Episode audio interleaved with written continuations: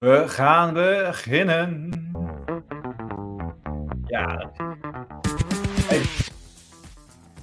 Goedemorgen allemaal en welkom weer bij een live uitzending van Geerk Talks Cloud. Als het goed is ben ik goed te verstaan en te horen. Mocht dat niet zo zijn, stuur dan even een berichtje via LinkedIn hieronder bij de stream. Uh, vandaag zit ik met Maurits Mets. Hij is een ZZP'er, zal zichzelf zo meteen even voorstellen. En we gaan het vandaag hebben over help.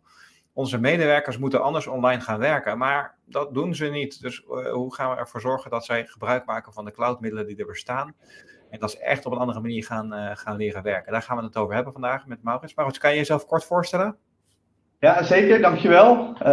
leuk dat ik hier mag zijn, allereerst. mijn naam is Maurits Mets. Uh, ja, sinds december zelfstandig daarvoor uh, zes jaar in dienst gewerkt bij, uh, bij iView Business Solutions, een Microsoft partner in Zwijndrecht. Ehm, nou, december zelfstandig, in principe dezelfde taken, pakket, nu als zelfstandige opgepakt. Ik positioneer mezelf als change en adoptie consultant. Ehm, dus ja, kort gezegd helpen bedrijven vanuit functionele kant met de omslag naar de cloud. Heel goed, heel goed. En uh, nou, we gaan het dus vandaag hebben over, uh, over waarom, uh, hoe, hoe, medewerkers anders gaan werken. Nog even een huishoudelijke mededeling. Ik neem twee keer per maand een podcast op. De ene keer is dus iemand die inhoudelijk verantwoordelijk is voor de implementatie van, een, uh, van online clouddiensten. Vandaag dus met Maurits. De andere keer neem ik een podcast op met MVP's. Over de trends en waar het heen gaat en wat belangrijke ontwikkelingen zijn. Uh, deze podcast kan je live kijken, bekijken op LinkedIn, maar je kan zo ook later terug kijken op YouTube of terug luisteren op Spotify, Google Podcast of Apple Podcast. Ik zeg het altijd maar even voor de zekerheid bij. Um, en mijn naam is dus Frik Terpstra en ik werk sinds kort bij CloudLife, een security partner van Microsoft. En we helpen organisaties met, uh, met het beveiligen van de hele cloudomgeving, wat nog ingewikkelder is dan je zou verwachten. Omdat er heel veel keuzes uh, in te maken zijn. Um, Maurits, uh, we hebben het vandaag over dat medewerkers anders moeten werken, maar dat, dat ze dat niet doen. Waar, waarom moeten medewerkers eigenlijk anders werken? Waarom kunnen ze niet gewoon op de oude manier door blijven werken?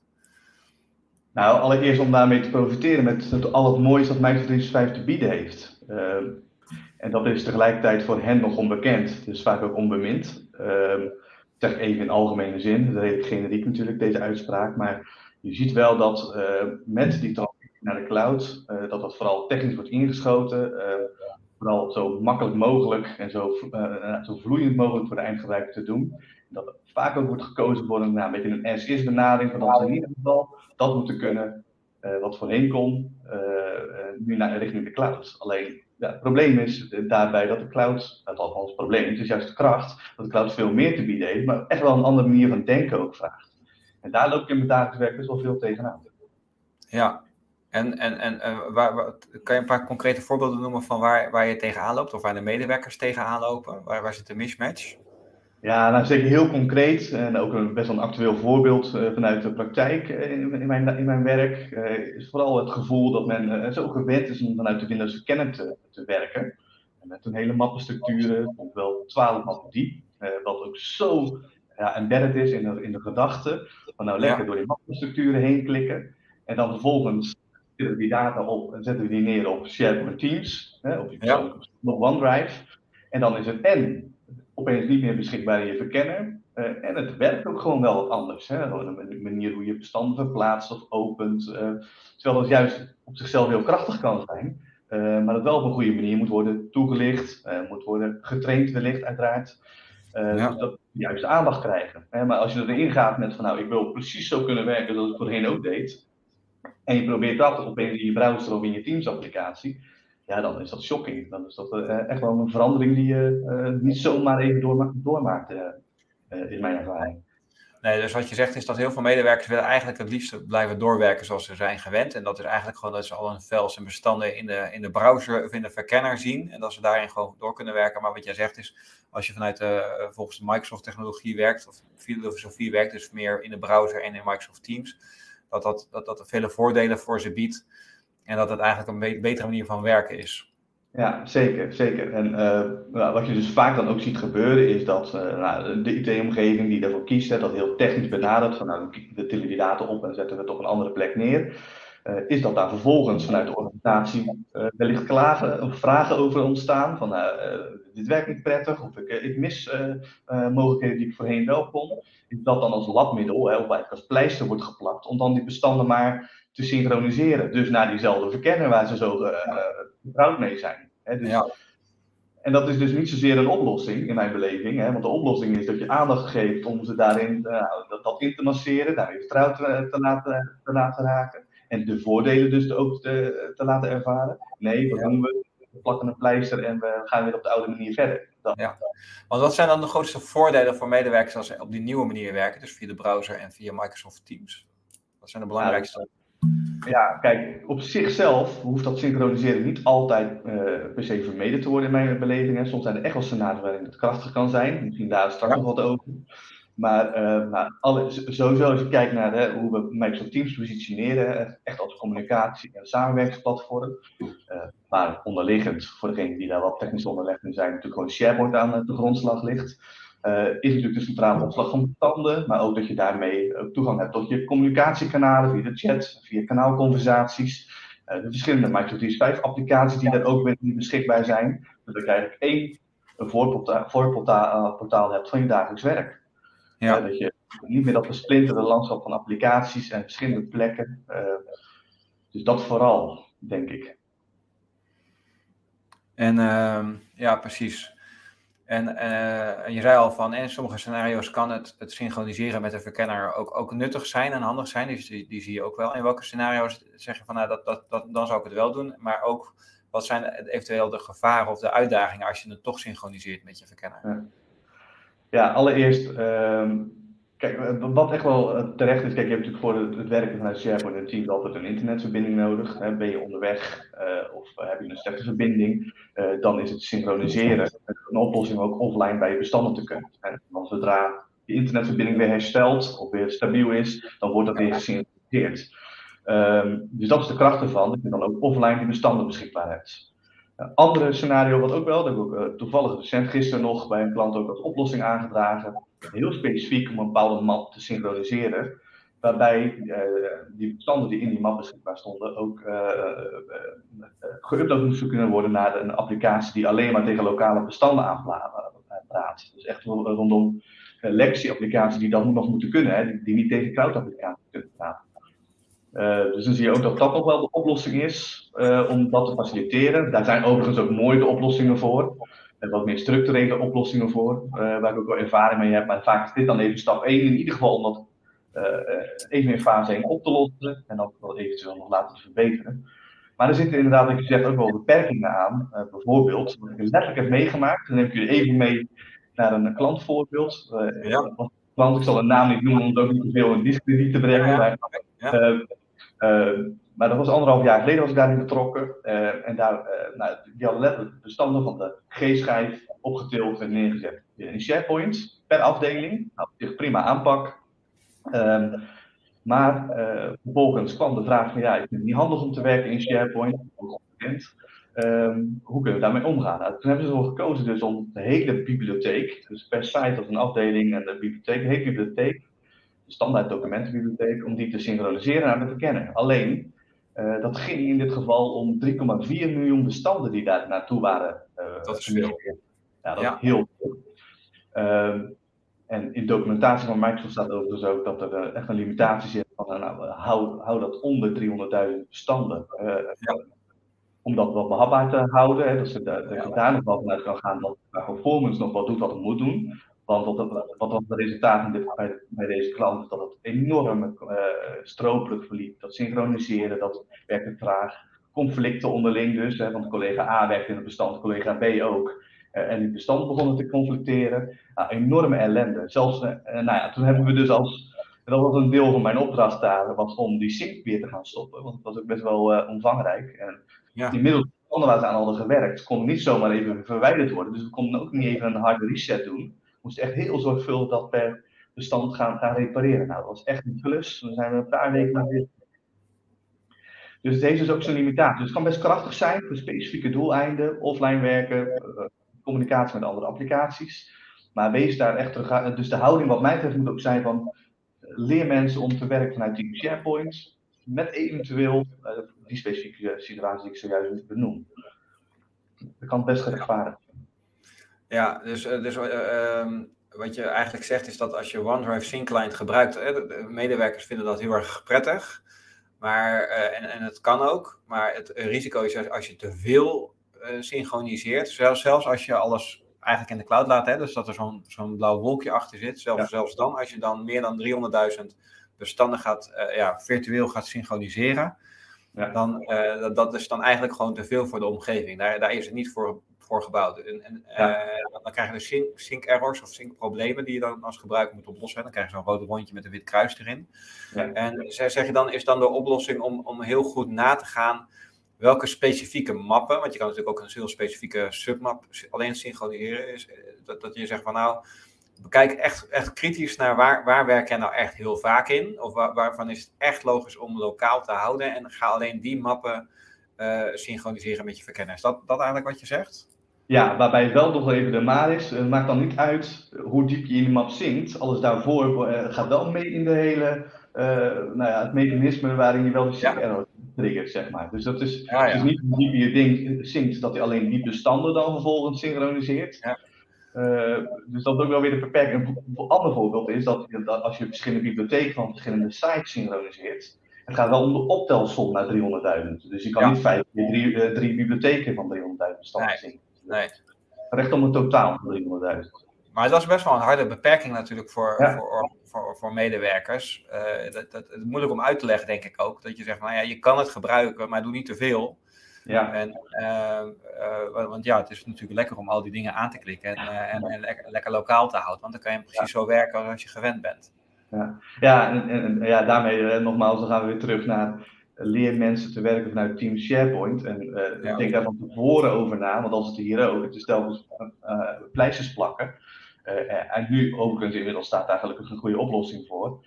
Um, maar uh, ja, het is toch uh, denk daar van tevoren over na, dan kun je, kun je zoveel ellende voorkomen. Dus zeker ja. daar ook wel een leerschool geweest. Nou ja, en dat is misschien wel een aardig bruggetje om dan daarop door te gaan. Dus uh, oké, dus, dus, dus je legt dan uit aan medewerkers dat het kan. Hè? Je kan de Syncline gebruiken en blijven werken op de, op de oude manier, traditionele manier vanuit de verkenner. Alleen daar zitten beperkingen aan, dus pas, pas uit. Doe niet alles, maar doe maar een paar, paar kleine dingetjes. Uh, dus dan, dan in jouw verhaal, wat je bij, bij organisaties denk ik doet, is dan ook uitleggen wat is de nieuwe manier en, en hoe zou je wel weer kunnen werken. En, en wat leg je dan uit? Welke, welke route leer je mensen om te werken in de cloud? Want er zijn natuurlijk verschillende wegen naar je bestanden in, uh, in, de, in de cloud. Ja, alleen wat ik eigenlijk altijd mee, mee begin, en soms krijg ik wel eens de reactie van ja, moet dat nou, is om mensen echt even, allereerst even uit te zoomen en begrip te geven, wat betekent nu eigenlijk Microsoft 365? Hè? We gaan werken in de cloud. Uh, dat is echt wel even een andere manier van denken. Niet meer het, uh, het tanden voor jezelf houden, maar centraal beschikbaar stellen. Uh, dus vaak organiseer ik dan ook sessies, nou, ik noem dat soms informatiesessies of inspiratiesessies, waarin ik echt even laat zien van oké, okay, dit is wat we willen gaan doen. dit zijn ook de voordelen die er, erbij komen. en we betrekken jullie al in een vroeg stadium om daar dus grip van te krijgen. Van nou, wat is dat nu Microsoft 365, het werken in de cloud? Welke principes horen daarbij? Hè? En niet meer mailen, maar delen. Dat is natuurlijk een populaire die we allemaal kennen. Om mensen echt mee te nemen, ook te enthousiasmeren. En vervolgens inderdaad een stukje kennisoverdracht, hè, daar waar een training relevant wordt. Uh, om ze mee te nemen in, nou ja, plat gezegd, de knoppencursus, hoe kun je daarmee werken. Maar wel ook in die, bewust in die volgorde. Dat je mensen echt meeneemt en laat begrijpen, wat doen we hier? Niet zo van, nou, hier hebben we een handleiding of een, alleen een training. En hier, kijk maar en zoek het maar uit. Ja. echt betrekken in dat proces. Want dat is, kijk, vanuit technisch perspectief is het, nogmaals wat ik eerder noemde, optillen en neerzetten op een, op een andere, op een nieuwe plek. En de ja. technische implementatie is geslaagd. Maar dan begint het pas. En ja. daar gaat het vaak mis, zeg maar. Uh, ja. En, en hoe werken medewerkers dan echt op die nieuwe manier? Wat, wat, wat, wat, wat welke, welke route adviseer jij medewerkers? Ja, kijk, het is een beetje afhankelijk van welke keuze je maakt, of je dat binnen Teams doet of SharePoint. Uh, wat ik vaak adviseer, van, uh, zijn het wat kleinere afdelingen, projecten, werkgroepen of afdelingsoverstijgende samenwerkingsverbanden, dan is Teams the way to go, denk ik. Hè. Dan heb je echt een platform met ook dat communicatiecomponent, die handige applicaties, andere samenwerkingsapplicaties. En ja, waar statiger, uh, statiger is, wat documenten nog steeds aan kunnen samenwerken, maar wat voor grotere en wat algemene toegang, dat dan SharePoint the way to go is. Los even van wat complexere document management en projectmanagement oplossingen. Hè, dat, daar leent SharePoint zich dan ook meer voor. Maar even om het heel plat te houden, is dat altijd een beetje hoe ik positioneer. Teams of kleine samenwerkingen, SharePoint voor wel meer grotere samenwerkingen. Ja, en SharePoint heeft natuurlijk te maken met je internetbrowser en een structuur die je daar kunt samenstellen. En daar is eigenlijk ontzettend veel in mogelijk. Hè. Je kunt met verschillende webparts. Uh, want wat je vaak ziet, is dat de verkenner zo fijn en vertrouwd is, omdat je zo lekker toegang hebt tot die snelle, recent gebruikte bestanden of favoriete mapjes. Ja, dat kun je heel goed simuleren in, in SharePoint. Alleen je moet wel even weten hoe. Ja. Uh, sterker ik vind het denk ik nog wel handig en overzichtelijker hoe je dat in, in SharePoint kunt doen. Al dan niet zelfs nog aangevuld met dat je dat ook in je browser, uh, in je browser daar kunt gebruiken. En zo is je browser favoriet. SharePoint is natuurlijk altijd via je browser te benaderen. Ja, in Teams heb je natuurlijk gewoon een eigen Teams client. Uh, alleen daar heb je natuurlijk te maken met dat je ook nog eens moet, in staat moet zijn dat je moet denken vanuit een team, vanuit kanalen. En binnen de kanalen heb je nog wel de mogelijkheid om natuurlijk mappen aan te maken. Nou, wees daar ook terughoudend in, is dan vaak het advies. Dat je niet weer heel die, uh, de, de load van mappenstructuren meeneemt. dus er zit hem ook in een stukje herstructurering van die data, opscholing van die data.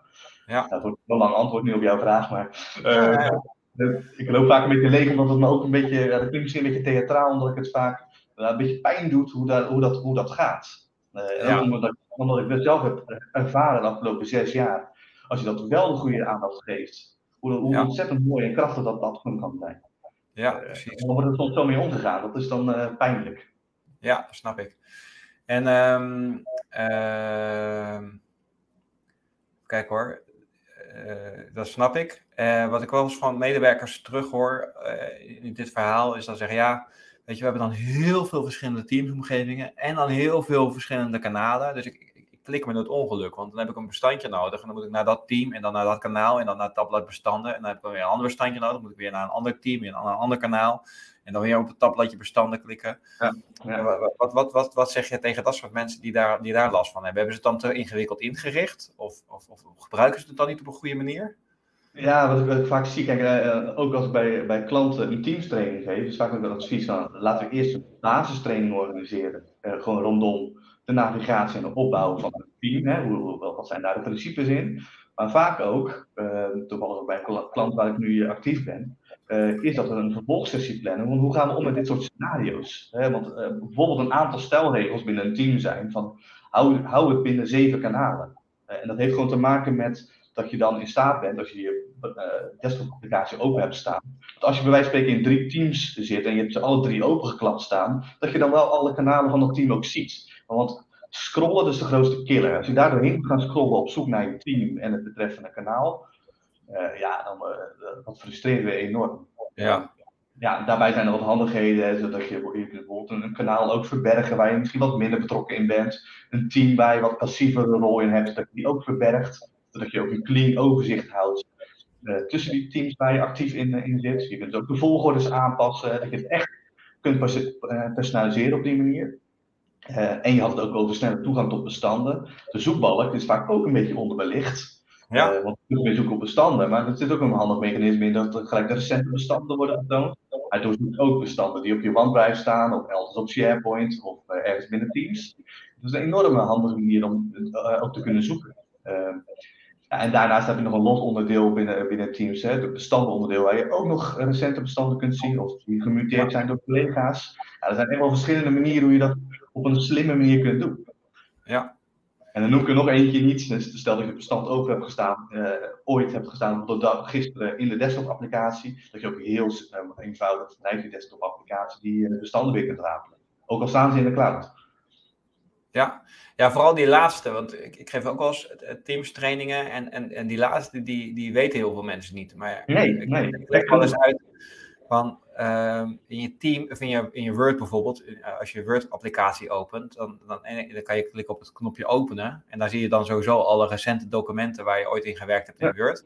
Maar dan, ook daarboven zit een zoekbalk. Dus ik zeg heel vaak van ja, uh, gebruik gewoon die zoekbalk. Meestal weet je wel wat voor type document je wil openen. Dus open gewoon die applicatie. Ja. Tik in die zoekbalk wat je, welk bestand je wil hebben.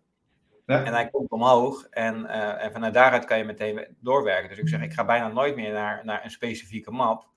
Maar, ja. maar gewoon door of in Windows, of in Word, of in SharePoint te zoeken naar de titel van het document, vind ik al het document. En waar die dan staat in dat hele, hele breiwerk, dat maakt mij dan eigenlijk niet zo... Nee, inderdaad. Ja.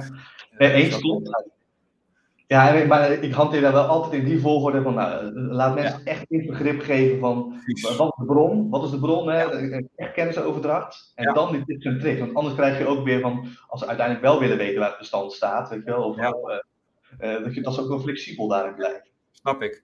En als we nu iets, iets uitzoomen, want we, we hebben het net gehad over, over dat mensen door, willen werken zoals ze zijn gewend, dus in de verkenner. We hebben het gehad over wat jij bespreekt in de training, wat andere manieren zijn om bij je documenten te kunnen komen. Dus via Teams, via de browser, uh, via de applicatie zelf. Uh, maar als we iets uitzoomen, hoe pak je dat dan aan? Want dit, dit, dit bespreken we volgens mij in een training als ik jou zo hoor. Maar, maar geef jij in, binnen de organisaties waar jij werkt één training? Of heb je meer een, een, een globaal plan hoe jij die medewerkers uh, meeneemt? Ja, nee, dat, zeker niet beperkt tot een training. Uh, ik geloof er ook eigenlijk per definitie niet in. Uh, dat je alleen met een training dat af kunt dekken. Want wat je eigenlijk ziet is dat het hier gaat om een grote verandering. Hè? Zeker nou, afhankelijk van de scope die je uiteraard hanteert. Maar hoe groot of klein dan ook, het gaat altijd om een verandering. Ehm, en ik heb dat toevallig ook uh, op de certificering mogen halen voor de ProSite Change Management. Uh, ja. uh, change Practitioner dat ik ook, ook ben. En dat heeft me enorm veel opgeleverd. Om dat ook in een soort framework te gieten. en echt niet te complex. Houd het ook simpel. Daar heb ik ook wel tips en tricks voor, voor degenen die luisteren en daar geïnteresseerd in zijn. Maar dat je er altijd van uitgaat dat je daarin het ADKAR-methode toepast. En ADKAR staat voor Awareness Desire. En dan gaat het echt over Betrek mensen, uh, informeer ze tijdig, ook, ook voorafgaan dat het bij wijze van spreken het project zelfs is, gestart. Um, probeer ze ook te enthousiasmeren. Hè. Geef ze ook de stip aan de horizon, waar bewegen we naartoe? Welke voordelen biedt het ons op? Hè. Geef ook concrete voorbeelden van nou, een, een, bepaald proces duurt nu vier uur en kan straks in één uur bij wijze van spreken. Maak het ook concreet.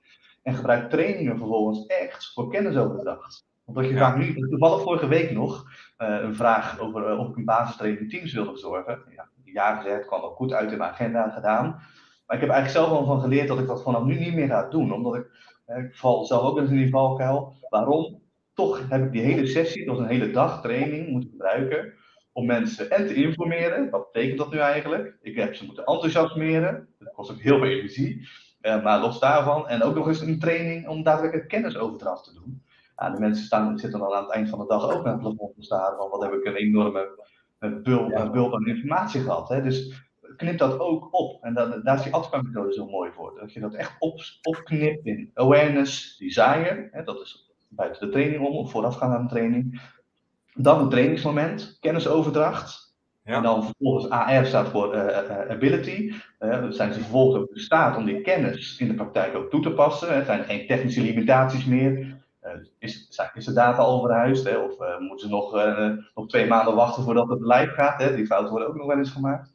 En R reinforcement, ze schaal vervolgens ook bij. Hè? Misschien nog wel aanvullende behoeften voor kennis. Hè? Zoals de tips waar we het net over hadden. Want dat krijg je ook niet in een training allemaal gegiet. Wordt het ook niet te gegoten. Wordt het ook allemaal te veel. dus dat is eigenlijk even nou, in de notendop hoe ik dat aanpak. neem mensen echt mee van A tot Z. Ja, en, en hoe pak je dat dan aan? Bijvoorbeeld die, die eerste van Adkar, de, de attention. Hoe zorg je ervoor dat iedereen even wauw, awareness van, van wauw, de, uh, er gaat wat gebeuren en dit is belangrijk voor mij. Want dat is natuurlijk het, het grootste probleem waar veel organisaties tegenaan lopen. Van ja, IT, IT heeft bedacht dat we naar de cloud moeten en nu moet ik anders gaan werken. Ja. Uh, dus er is, al, er is al weerstand en er is op, op, op geen enkele manier attention of awareness dat we denken, oh ja, nu moeten we er wat mee. Ja. Nou, echt, want dat awareness moment is echt bedoeld om ook juist de betrokkenen daarin mee te nemen. Hè. Dus zorg er ook voor, hè, je geeft ook aan een IT-project, dat het vaak IT gedreven is. Zorg ervoor dat het, kijk, het IT-onderwerp is wel het grootste. Het gaat uiteindelijk om een, uh, het is een groot technisch component, maar het gaat uiteindelijk om de menselijke verandering die, daaraan, uh, die net zo belangrijk is. Ja. dus wat, wat diezelfde methodiek ook voorschrijft, is dat onderdeel van het projectmanagement, wat altijd per definitie techniek gedreven is, dat dat ook een change management, wat vanuit de persoon gedreven is, dat dat er gewoon uh, als een ritsluiting, zoals dat in de methode ook op elkaar aansluit. Hè? En uh, ja. Nou ja, uh, ontwikkel je iets technisch, dan moet het ook gelijk in de change management gedachte mee worden genomen. Hè? Hoe kunnen wij, wat heb ik eraan als, als eindgebruiker? Dus zorg ervoor voor die betrokkenheid. Dus ook vanuit de organisatie. Bijvoorbeeld het project waar ik nu in uh, actief ben, uh, daar zitten drie IT'ers in. Hè? Dus uh, hoofd IT en twee ontwikkelaren. maar ook drie mensen vanuit de business. vanuit de, de, de service desk, het klantcontactcentrum, maar ook iemand vanuit een specifieke afdeling, in ieder van de receptie. dus echt om draagvlak te creëren dat het weer geen IT-feestje wordt. We gaan met elkaar ja, en dan, maar dan nog, nogmaals mijn vraag, hoe zorgen we ervoor dat, dat, dat de mensen in de organisatie aangaan? Dat ze denken van, oh ja, ik, ik, snap, ik snap waar dit vandaan komt en ik, ik word hier enthousiast van, die, die, die eerste fase van het Atkan-model. Ja, uh, doordat je ze daarin al betrekt, geef je ook de gelegenheid om daar al in een vroeg stadium dus op te acteren. Dus je ziet ook, uh, nou, neveneffect, maar dat is, al, dat is het idee erachter, is dat je mensen al betrekt in een stukje ontwerp daarvan. Dat je ze al input laat geven, ja, maar wat wat voor impact heeft dit uh, op onze afdeling of op dit proces? En dat het eigenlijk ook, uh, dat ze aan de, teken, aan de tekentafel al betrokken zijn. Ja. En dan zie je vaak ook, omdat ze daarin betrokken worden, ja, dat, dat, dat die weerstand uh, eigenlijk niet van toepassing is, omdat ze er zelf onderdeel van zijn. Een hele andere gedachte hoe je, en uiteraard heb je altijd weerstand vanuit eind, echt eindgebruiksperspectief, maar wel dat je in ieder geval daar al gelaagdheid in creëert, dat het al wat meer richting de organisatie gaat niet weer IT versus de, de gebruikers. Ja, precies. Precies. En um, welke uh, ja, je, hebt, je hebt dit bij verschillende bedrijven gedaan. Welke resultaten zie je als een organisatie dit echt goed doet? Wat, wat merk je dan in het verschil van werken? Ja, nou allereerst dat het natuurlijk ook een veel zachtere landing is. Dus je staat niet weer eerst 1 of 2-0 achter uh, en je moet repareren voordat je een goed resultaat haalt. Um, maar een stukje efficiëntie uiteraard. Hè, dus echt efficiënter met elkaar samenwerken. Hè, met in het gebruik ook van Microsoft Teams, uh, communicatie, maar ook het samenwerken aan documenten. Vanuit één platform, die gedachten. Echt omschakelen van niet meer mailen, maar delen. Hè, dus niet meer erbij laten, maar echt koppelingen naar bestanden. Dat is vaak natuurlijk ook onderdeel van die verandering. Uh, ja, dat is veel duidelijker, veel meer grip op je data. Uh, uh, ja, niet meer al die kopieën, ook opslag van data, is peperduur in Azure, dus je wilt, ook, je wilt dat ook echt reduceren. Maar ook wel een overzichtelijk landschap, hè, waarin je ziet dat Outlook veel meer, nou, althans zoals ik het vaak positioneer, voor externe communicatie, Teams meer voor interne communicatie, dat je een duidelijke scheiding daartussen krijgt. Ja. En veel, veel overzichtelijker is, want we denken allemaal wel, hè, als ik even zo algemeen mag, mag spreken, maar van Outlook is heel handig met al mijn communicatie en mijn mapjes die ik heb aangelegd. Maar ik durf mijn hand voor in het vuur te steken dat het een stuk handiger kan als je het op een goede manier doet in Microsoft Teams. Ja, ja precies. En we zijn bijna door de tijd heen. We hebben nog, nog drie minuten. Uh, het gaat heel hard, ja. Dan, we kunnen er zo nog een paar uur over doorpraten. Ja, ja. We hebben nu nog maar twee minuten. Uh, heb jij nog, nog tips voor medewerkers of organisaties hoe je nou echt slim werkt met Microsoft Teams? Um, ja, kijk, eh, we hebben nu net al een aantal gehad. Uh, in ieder geval hoe je snel die bestanden kunt gebruiken. Maar wees in ieder geval slim in de aanpak die je kiest. Kijk, vaak wat ik, ook nog wel eens zie is dat Teams dan alleen maar uitsluitend als communicatieplatform wordt gebruikt. Of alleen maar uh, om documenten op te slaan. Uh, of alleen maar om uh, personen op te zoeken, om een chatberichtje te starten. Maar probeer echt, en het kan best een aanpak zijn hè, om dat gewoon stap voor stap op die manier te doen. Maar probeer wel toe te leven naar een moment waarin die drie elkaar gaan versterken. Want ik zie wel, kijk, als het alleen maar gaat om die losse onderdelen, ja, dan is het ook niet zo heel erg spannend. En dan vraag ik me ook af of er echt een toegevoegde waarde is om op die manier teams te gebruiken. En we ja. gebruiken het, dat we elkaar echt versterkt. En dat vergeet ik belangrijk.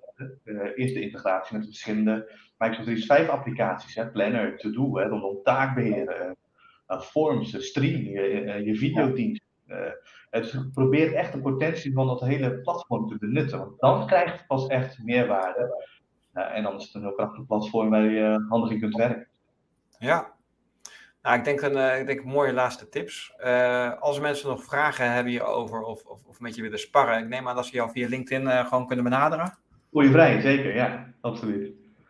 Heel goed. Nou, dan wil ik hierbij bij afronden. Dankjewel, Maurits, voor, ehm, voor, de, voor de toevoeging en, en voor dit gesprek. Graag gedaan ja, dankjewel. En uh, nou, tot uh, voor iedereen die gekeken of geluisterd heeft, dankjewel voor het luisteren. En uh, tot een volgende zou ik zeggen. Tot ziens. Tot ziens, hoi. And broadcast.